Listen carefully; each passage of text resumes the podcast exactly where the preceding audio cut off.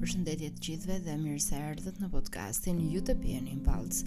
Pas një shkëputje të konsiderueshme, u riktheva përsëri për t'ju sjellë kësaj herë analizën letrare të disa nga autorëve më të rëndësishëm të letërsisë botërore, realiste dhe simboliste.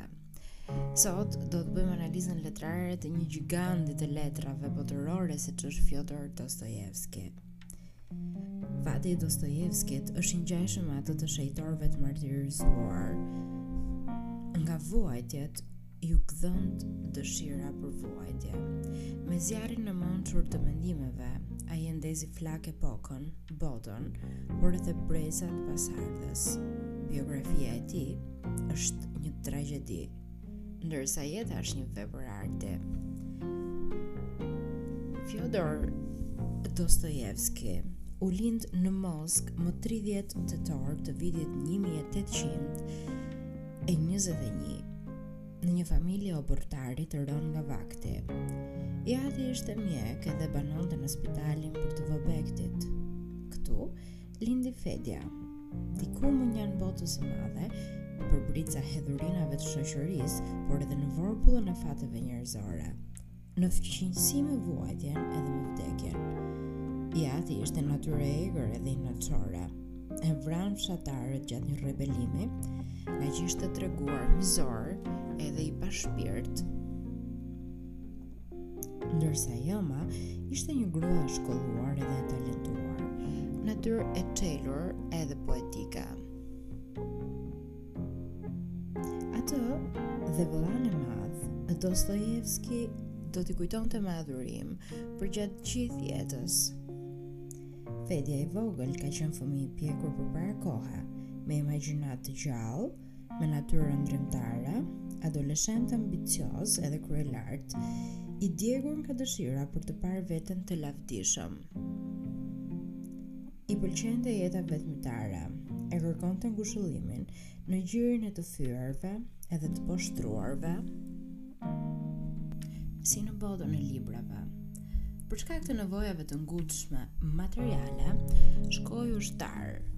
Gjatë një gjendje të përgjithshme të mjegullt, tmerri dhe ekstaze, ngjizet edhe vepra e tij e parë, romani epistolar Njerëz të varfër, i cili u shkrua në vitin 1846. Është një etyd mjeshtëror për njerëzit i shkruar me pasion edhe me lot në sy, siç ka thënë vetë, vepra përshkrohet nga përgjërimi për vuajtjen, por edhe nga aftësia për të bashkëvuajtur. E detyroi veten për t'i besuar dorëshkrimin poetit Nekrasov. Poeti i shquar i asaj kohe, Nekrasovi, ishte i pari që i dha sinjalin e lavdisë Dostojevskit. Pas kësaj, Net të bardha është vepra më poetike edhe më e lartësuar që ai krijoi. Shfaqja e epilepsisë me krizat e tmerrshme ndikoi thellë në krijimtarinë e tij. Ndërkaq, fati tragjik i tij nuk kishte të sosur. Tetë muaj i kaloi në izolim të plotë, pa e ditur se çfarë kishte bërë. Vetëm kishte qenë i pranishëm në bisedat me ata që u shpallën pjesëmarrës në komplotin e Petrashevskit. Pandeu që ishte një keqkuptim, por dënimi iu dha ishte kapital edhe ishte me pushkatim. Në çastin e ekzekutimit, i erdhi falja prej carit. Pastaj u dërgua në Siberi. Shokë kishte kriminelët dhe hajdutët. Miqtë e vetëm të tij ishin shqiponja e plagosur edhe qeni rrjepacak. I vetmi libër që lejohej të lexonte ishte Ungjilli. Kujtime nga shtëpia e vdekur në 1861 edhe 1862 është vepra më e ndierë dhe më e sinqertë dhe më humane që ka parë ndonjëherë letërsia botërore. Në të shpalosen me madhështi anët më të mira të gjeniut krijues. Pas internimit, nuk u lejua të kthehej me banim në qytetet e mëdha. Jetoi në varfëri dhe në mjerim, dhe disa kohë në Siberi. Në veprën të fyerit dhe të poshtruarit, ai ka shprehur heroizmin e heshtur të vetëflijimit. U kthye në Peterburg, kur ishte harruar nga të gjithë. Veç, jehona e kujtime nga shtëpia e vdekur e bëri të lavdishëm. U detyrua të endej nëpër Evropë, ngaqë ia mbyllën revistën, të vetmin burim jetese. E pikëllonte pa masë largimi nga Rusia. Nga ky burim i pashtershëm forcash jetike për të. Në qoftë se Siberia kishte qenë për të purgator, Franca, Gjermania, Italia ishin ferr. Ishte koha ku krijoi kryeveprat krim dhe ndëshkim, edhe idioti. Ku ka gjetur një pasqyrim gjithëpërfshirës bota shpirtërore njerëzore. Punonte shumë, jetonte në varfëri të skajshme. I mbërthyer nga vesi i kumarit, nuk luante për para, po për t'ia lënë veten në dorë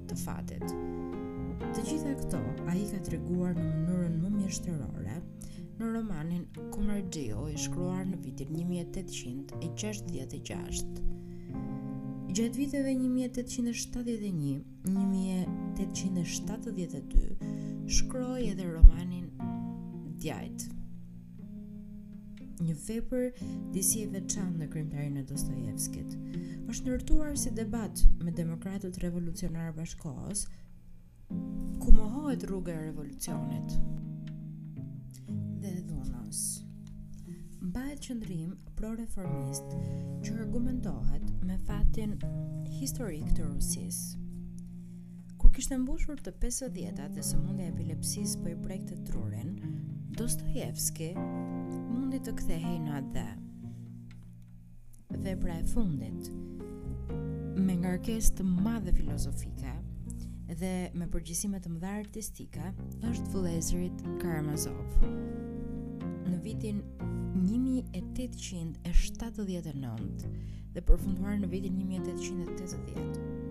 Dostojevski i ka treguar personazhet në çaste mëkatesh kriminale të verbuar nga epshi,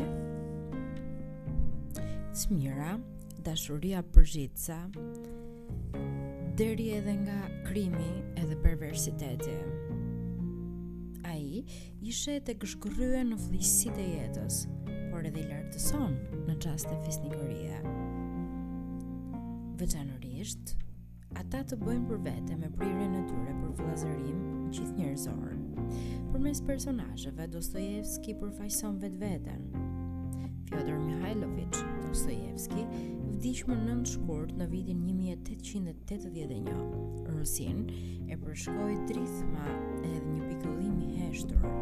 Nuk kishte të mbaruar turma që kërkonte t'i linte lamtumirën. Në funeralin e tij u bë realitet ëndrra e tij fisnike. Për të parë Rusinë të bashkuar të gjitha klasat edhe të gjitha shtresat shoqërore formuan një masë unike. Në çastet e fundit, ai i dhuroi popullit porosi pajtimi, duke i kapërcyer me një forcë të mbinatyrshme kundërshtitë e epokës. Do ta vijojmë këtë episod me analizën letrare të një nga veprave më madhështore të Dostojevskit, por edhe të gjithë letërsisë botërore, siç është romani Krim edhe ndëshkim. Romani Krim dhe ndëshkim është një nga kryeveprat e letërsisë botërore, e ndërtuar si analizë thellë psikologjike e krimit dhe rrjedhojave të tij. Është një libër i dhimbjes së madhe për njeriun dhe për njerëzimin, i përshkruar nga patosi humanitar. Është një nga veprat më të lexuara dhe më të inskenuara në botë. Rodion Raskolnikov, 25 vjeç, student në Fakultetin e Mjekësisë, për shkak të varfërisë së skajme, është i detyruar të ndërpresë studimet. E shohim të ngujuar në papafingon e një shtëpie të rrënuar. Është i dëshpëruar edhe pa rrugdalje. Vërtet, që s'është i vetëm në këtë gjëndje, por kjo as që e ngushëllon atë. është një djalë me dhunti edhe talent, i ndjeshëm ndaj vuajtjes edhe dhimbjes së tjetrit, natyrë krenare edhe me pretendime ndaj jetës. E vret shumë fakti që e ëma ia dërgon të gjithë pensionin për ta mbajtur. Kurse motra pajtohet guvernante, në shtëpitë e pasura dhe është e detyruar të durojë fyerjet dhe poshtërimet e të ngopurve. Në këto kushte, pa asnjë rrugdalje, ky djalë me një të ardhme kryen një krim. Shpejt, sqarohet që krimin e kreu jo thjesht të nisur nga nevojat ekonomike. E kreu për verifikimin e një teorie të krijuar nga ai vetë. Analiza e botës mendore dhe shpirtërore të Raskolnikovit është e lidhur edhe gërshetuar mjeshtërisht me analizën e kësaj teorie që Dostojevski e gjykon si një nga teoritë e reja të asaj kohe që po çoroditnin bashkëkohësit dhe sidomos rininë. Thelbi i kësaj teorie anarko-individualiste është në çdo kohë edhe në çdo vend kanë ekzistuar edhe ekzistojnë disa të veçantë njerëz të jashtëzakonshëm, të cilëve u lejohen veprime që nuk u lejohen të rëndomtëve në emër të përparimit të së ardhmes më të mirë të njerëzve. Teoria e Raskolnikovit të sjell ndërmend teorinë e Nietzsche-s për mbinjeriun. Për të mbështetur në histori këtë teori të veten, Raskolnikovi përmend emrat e Likurgut, të Muhamedit, të Napoleonit, që kishin sakrifikuar jo pak jetë njerëzish të zakonshëm në emër të përparimit dhe që sot i mbajnë për heronj, i vlerësojnë për dobinë që kanë sjellë. Krimin Raskolnikovi e sheh si një eksperiment për të përcaktuar përkatësinë e tij në këtë kategori të të jashtëzakonshmëve. Nuk kaloi shumë edhe Raskolnikovi u bind që ishte gabuar dhe madje në mënyrë fatale. Në përpjekje për t'u afirmuar si individualist, edhe anarkist, Raskolnikovi pësoi katastrofë të plotë. E pa veten të izoluar nga jeta, nga njerëzit, madje edhe nëna me motrën i bëhen të huaja, ndonëse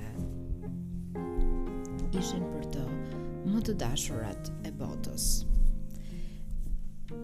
Në bisedë me Sonja Marmeladovën, vajzën që e do Raskolnikovin me vetëmohim edhe përkushtim, është detyruar të pranojë që vrau fajdexheshën. Por vrau edhe veten e tij. Pas një lufte të mundimshme, deri sfilitëse me veten, Raskolnikovi me porosi edhe të Sonjës, dorëzohet vetë në polici. Në përulësinë e të krishterit, gjen mundësinë e shlyerjes së fajit. ndëshkimin. E shohim të penduar thellë, të përulur edhe të paqtuar shpirtërisht në galerë në Siberi.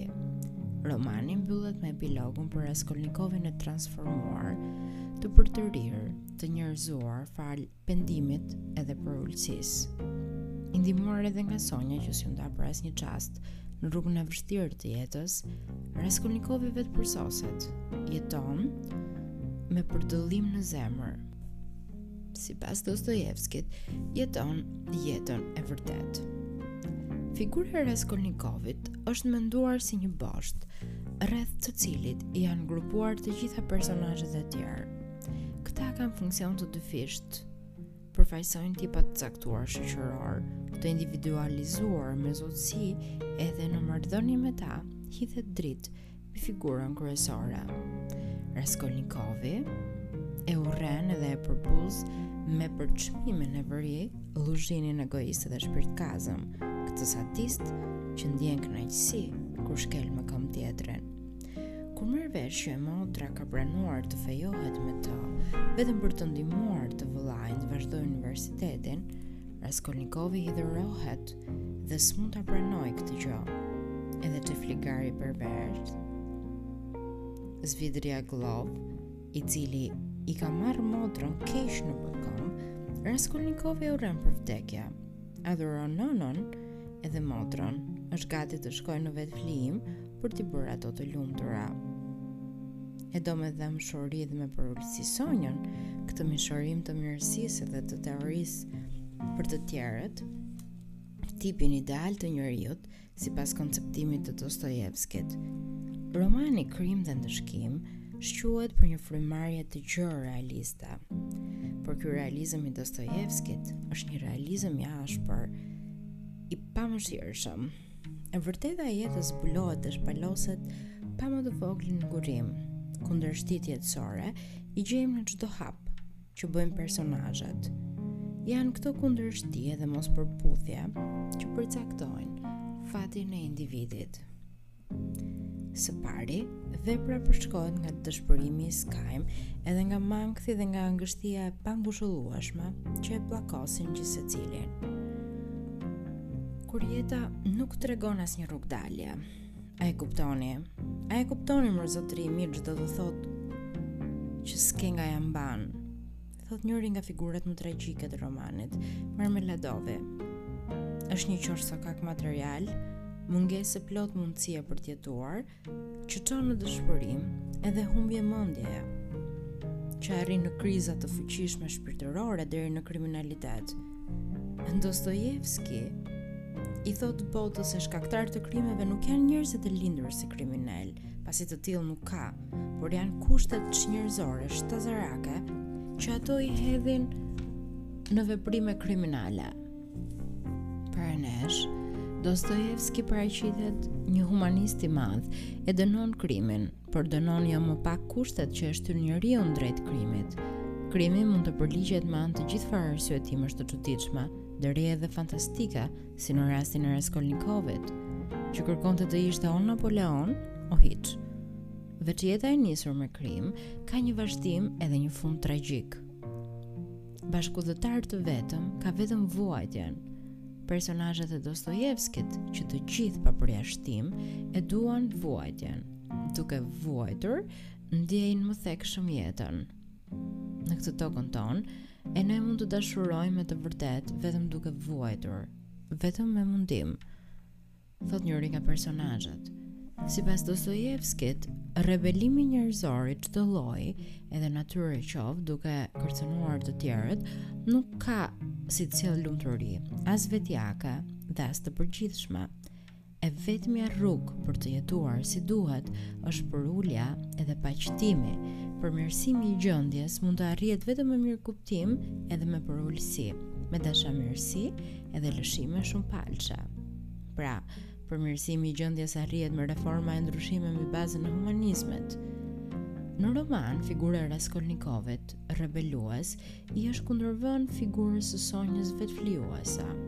Në një plan më të gjerë njerëzor, kjo është kundërvënia e arsyes ndaj ndjenjës, kundërvënia e mendjes ndaj zemrës, edhe Sonja ngre dorën kundër vetes, Edhe ajo bën një krim kur del në rrugë edhe shet trupin. Për të fituar që të mund të mbijetojnë motrat dhe vëllezërit e saj. Këtë gjë e bën e shtyrë nga dashuria dhe keqardhja për ta. Raskolnikovin ajo e ndjek pas në internim, e nisur po nga këto ndjenja që janë të vetmet më të larta sipas Dostojevskit. Si artist dhe si filozof, Dostojevski ka zgjedhur vuajtjen, vetëflijimin, heqjen dorë nga dhuna si rrugën e vetme që njerëzimi të mposhtë vuajtjen edhe të rrojë në lumturi. Në fjalimin famëmadh, me rastin e përurimit të monumentit të Pushkinit, Dostojevski u drejtua njerëzve me thirrjen: Përulu, o njeri krenar. Dhe me këtë frazë do të mbyllim edhe analizën e romanit Krim dhe Ndëshkim për të vijuar me një analizë tjetër të një nga veprave më të mëdhaja të Dostojevskit, siç është romani Idioti. Idioti është vepra më e realizuar artistikisht e Dostojevskit. Në të, shkrimtari i madh i vuri vetes si qëllim të tregonte një hero pozitiv, të mrekullueshëm, duke mos nguruar t'i jepte jo pak tipare autobiografike. Në qendër të romanit qëndron princ Mishkin, që jo një herë është quajtur edhe idiot. Në ide, shkrimtari është përpjekur të krijojë një tip të ngjashëm me atë të Don Kishotit. Domethënë, tipin e hero Heroit që nuk ia di çmimin vetes. Që të dy janë njerëz me zemër të madhe, humanë të mëdhenj, të gatshëm për të flijuar veten për të tjerët. Zemërmirë dhe zemërgjerë, por që mbahen aq modestë saqë shpeshherë të tjerët i mbajnë për idiotë edhe leshko. Që të dyja këto mrekulli të penës njerëzore i gjejmë të rrethuara nga një tis humori që jo vetëm nuk i poshtëron, por ua përndrit dhe më shumë mirësinë dhe bukurinë e shpirtit. Është njeridashja e tyre pa kufi, ajo që i ka bërë ata të dy të pavdekshëm. Që në faqet e para të romanit Idioti, njihemi me një djalosh të çuditshëm, sa naiv edhe besues, aq edhe të drejtë dhe të gatshëm për vetëflijim. Ky ravijëzim i parë vjen dhe forcohet gjatë gjithë romanit, veçanërisht shpaloset madhërisht në qëndrimin e Mishkinit ndaj Nastasia Filipovnës. Mishkini lumturohet sa herë vë re që njerëzit aty pajtohen, dashurohen edhe merren vesh me njëri-tjetrin. Në dorëshkrimin, Dostojevski e ka quajtur Mishkinin princi Krisht, edhe jo rastësisht, ka krijuar skenat e mrekullueshme të dashurisë së fëmijëve zviceranë për të dhe veçanërisht qëndrimin e tij ndaj bonjakës Mari.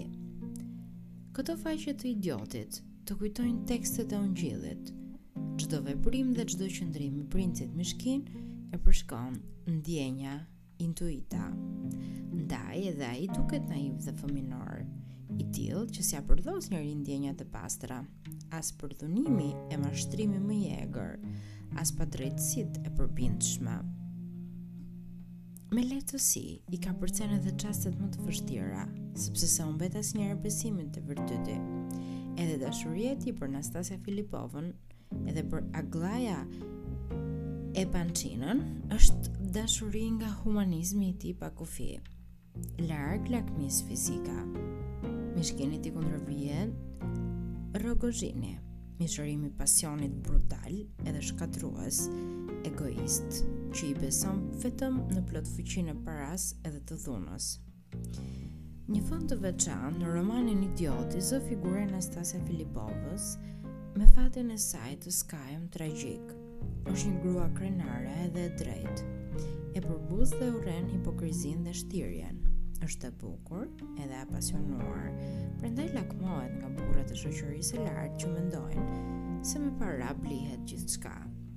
e fyer dhe e poshtëruar në shkallën më të lartë ajo rebelohet kundër gjendjes së saj arrin deri në vetëshkatërrim në tragjedi asgjë më tepër se kaq s'mund të bëjë por edhe asgjë më tepër se tragjedia s'e pret këtë ajo e di mirë ngushëllimi që mund t'i japë princi mishkin që e dashuron me mënyrën e tij Nuk ka si e rregullon jetën. Në çastin kur po dilte nuse nga shtëpia për të vënë kurorë me Mishkinin, ajo hidhet në krahët e Rogozhinit të ndërkryer që e vret për sfilitjet e padurueshme të papërsëritura që ajo i kishte shkaktuar. Romani Idioti është një dëshmi tjetër e forcës dramatike të Dostojevskit, që vërtetohet edhe nga ekranizimi me sukses i tij. Individi tragjik. Personaliteti artistik i Dostojevskit është tejet i ndërlikuar dhe i veçantë. Për arsye të jetës së tij të jashtëzakonshme, edhe të faktorëve historikë shoqërorë në të cilën ai krijoi. Rusia në mesin e shekullit të 19 ishte një vend ku ende ruheshin mbeturinat e jetës patriarkale me ligje të egra që dhunonin personalitetin e njeriut. Ishte fati individual tragjik dhe i pazakont, ai që përcaktoi përmasat e çuditshme të armiqësisë edhe të dashurisë së skajshmërisë së tyre në jetën e personazheve. I mundur edhe i raskapitur nga fati, Dostojevski i blatoi botës madhështinë e jetës, sa djallëzore, aq edhe të shenjtë, por kurdoherë të dashur. Fati i egër nuk e shndërroi Dostojevskin në demon shkatërrues. Fati i mëkoi atij përulësinë dhe durimin, pajtimin me të keqen, si rrugë për ta përballur atë me qëndrueshmëri. Në krijimtari, parapëlqeu pasqyrimin e skajeve të ndjenjave njerëzore, egërsinë shtazarake dhe shenjtërinë deri në vetëflijim. Ndërmjet këtyre dy poleve, enden të gjithë personazhet e tij. Të vërtetën e jetës, ai e nxjerr duke u kacavjerrë bulzhonesh përmes flakësh e rreziqesh të çdo lloji.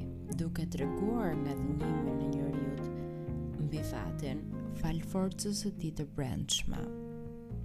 Veçanërisht të bie në sy forca e shpirtit mbi trupin e sëmurë të drobitur nga lëngata e tmerrshme e epilepsisë. Gjatë 30 vjetëve të shërbimit të tij ndaj artit, Dostojevski ka qenë i sëmurë epileptik. Varfëria që nuk iu nda tërë jetën, si edhe çasti i llahtarshëm kur e pa vdekjen me sy, qenë dy ide mbizotëruese të këtij artisti të madh, të cilat ai derdhi në artin e tij. Enigmat edhe dukuritë jetësore, Dostojevski i zbërthen deri në fund, kurdoherë i zgjidh moskuptimet me alternativën po apo jo, një lojë si lojërat e fatit që i kishte aq për zemër. Nuk i ka pëlqyer kalimet e buta, si në sipërfaqen e sheshtë apo ngjitjen e ngadalë të të përpjetave. Ka parapëlqyer shansin, befasimin, ndeshjen. Çdo gjë e kalon në dorën e rastësisë. Gjithkund e në çdo gjë, unë shkoj deri në cakun e fundëm të mundshëm. Unë tërë jetën si në litarin e pehlivanit kam ecur. Ka thënë ai. Të gjithë personazhet e Dostojevskit janë në kërkim të kuptimit të jetës, të ekzistencës së tyre. Përpara tyre qëndrojnë dy alternativa. Ekzistenca është ose e gënjeshtërt, ose e përjetshme. Këtu qëndron edhe absurdi i jetës së tyre, edhe absurdi si themel i veprës së Dostojevskit. Meqenëse më në fund në këto rrethana, unë jam njëkohësisht edhe ai që ankohet, edhe ai që përgjigjet, edhe i akuzuari, edhe gjykatësi, edhe meqë kjo komedi e natyrës, më duket fare idiote, aq sa më duket poshtëruese ta pranoj ta luaj, unë dënoj këtë natyrë, e cila me një shkujdesje të paturpshme më solli në jetë për të vuajtur, e dënoj që të asgjësohet bashkë me mua. Në këtë rrugë drejt së vërtetës, sa absurde nga mosrealizimi dhe aq të kuptimtë nga qëllimi. Dostojevski i vë personazhet para provave nga më të vështirat, deri tek ato edhe më mizoret. Me anë të tyre, bëhet e mundur shfaqja e plotë e temperamenteve dhe e karakterit njerëzor. Ai nuk u dikton kurrë zgjidhje e rrugdalje heronjve, por vetëm tregon duke shfaqur në çdo hap vetveten. Në mënyrë paradoksale është pasioni që lind edhe krimin edhe madhështinë. Plagët e tyre fizike dhe shpirtërore personazhet kërkojnë t'i shërojnë tek ndjeshmëria ose imoraliteti. Kundërshtitë e ndjesive njerëzore, puqen vetvetishëm ndërmjet qiellit dhe ferrit, ndërmjet Zotit edhe djallit, shtrihet vetë bota njerëzore. Pasioni tek Dostojevski është ose i ftohtë ose i nxehtë, por kurrë i mesëm. Ndërmjet kundërshtive, Dostojevski parapëlqen ballafaqimin e botës së lartë njerëzore, në banalitetin e saj, të zjarrit me akullin, të dashurisë së shenjtë me epshin shtazarak. Këto qenie njerëzore prej zjarri dhe prej akulli të bëhen aq të afërta sa brenda tyre zbulon ankthet e jetës së përditshme. Dostojevski ndihet i elektrizuar, i mahnitur para dukurive të jetës, po edhe në udhëkryqet e saj fatale. Kjo më tepër se një mjet i caktuar artistik është diçka organike e poetikës së tij, e shpirtit të tij, është njëherazi shkencë, art edhe jetë. Lumturia tek personazhet e tij nuk shfaqet si gëzim i zgjatur, si ngazëllim i një jete të qetë, por vetëm si pezullim, si djegje me flakë të mëdha, si dënesë me lot të nxehta që të përvëlon e të mundon, që të jep më shumë vuajtje se kënaqësi. Lumturia si gëzim është paq absurd dhe sa kuptimi i vërtetë i jetës. Unë nuk mund të jem i lumtur veçse brenda harmonisë me gjithësinë që nuk e konceptoj edhe nuk do të jem kurrë në gjendje ta konceptoj. Mundimi tek Dostojevski është kapitës edhe tronditës sa përfshin tërë qenien njerëzore. Kurrë ndonjëherë nuk ishte paraqitur si tek ai aq ethshëm bota njerëzore. Kurrë nuk ishte treguar ndonjëherë përpara tij, aq realisht njeriu në darën e ekstazës edhe të katastrofës.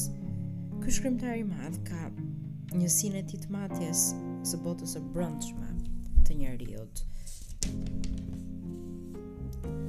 Arti i Dostojevskit Veçoria më karakteristike e veprës së Dostojevskit është karakteri polifonik i saj. Kjo ka të bëjë me kompozicionin origjinal të veprave të tij. me ndërtimin e tyre në shumë plane që harmonizohen në një të vetëm falë pikësynimeve të qarta të shkrimtarit. Në fund të romanit Idioti, lexuesi pret që pas sa e sa peripecive, Nastasia Filipovna të vërë kurorë me princ Mishkinin, zërat e brendshëm të personazheve, sikur zënë të flasin në harmoni Sikur u arrit mirëkuptimi por ç'ndodh. Me të parë, mes dasmorëve Rogozhinin, Nastasia Filipovna hidhet në krahët e tij, duke e ditur që po shkon drejt vdekjes. U prish harmonia, por nga kjo fitoi polifonia. Domethënë, zërave iu shtua një zë i plotë i ri që i mbuloi të tjerët, dhe përcaktoi vijën melodike të mëtejshme të rrëfimit dostojevskian. Karakteret i gjejmë të ngjizur nga kundërshti të skajshme, ndaj edhe na duken të jashtëzakonshëm. Vetë shkrimtari nuk e ka për zemër t'i robërojë karakteret, I lë të sillen si ua dikton shpirti. Para tij, bota nuk ka njohur realist aq të pamëshirshëm sa ai, që i zhduku me dorë të sigurt të gjitha kufijtë e të lejuarës edhe të palejuarës. Gjithçka njerëzore është e denjë për artin e tij madje edhe patologjikja me perversen. Është vetë jeta ajo që e dikton artin dostojevskian. Mjeti më i mirë dhe më origjinal që ka përdorur ky shkrimtar për t'u futur në thellësi të njeriut është fjala e personazhit. Para se të fillojnë të flasin heronjtë e Dostojevskit janë ca hije fantazma. Është fjala ajo që ua shfaq shpirtin.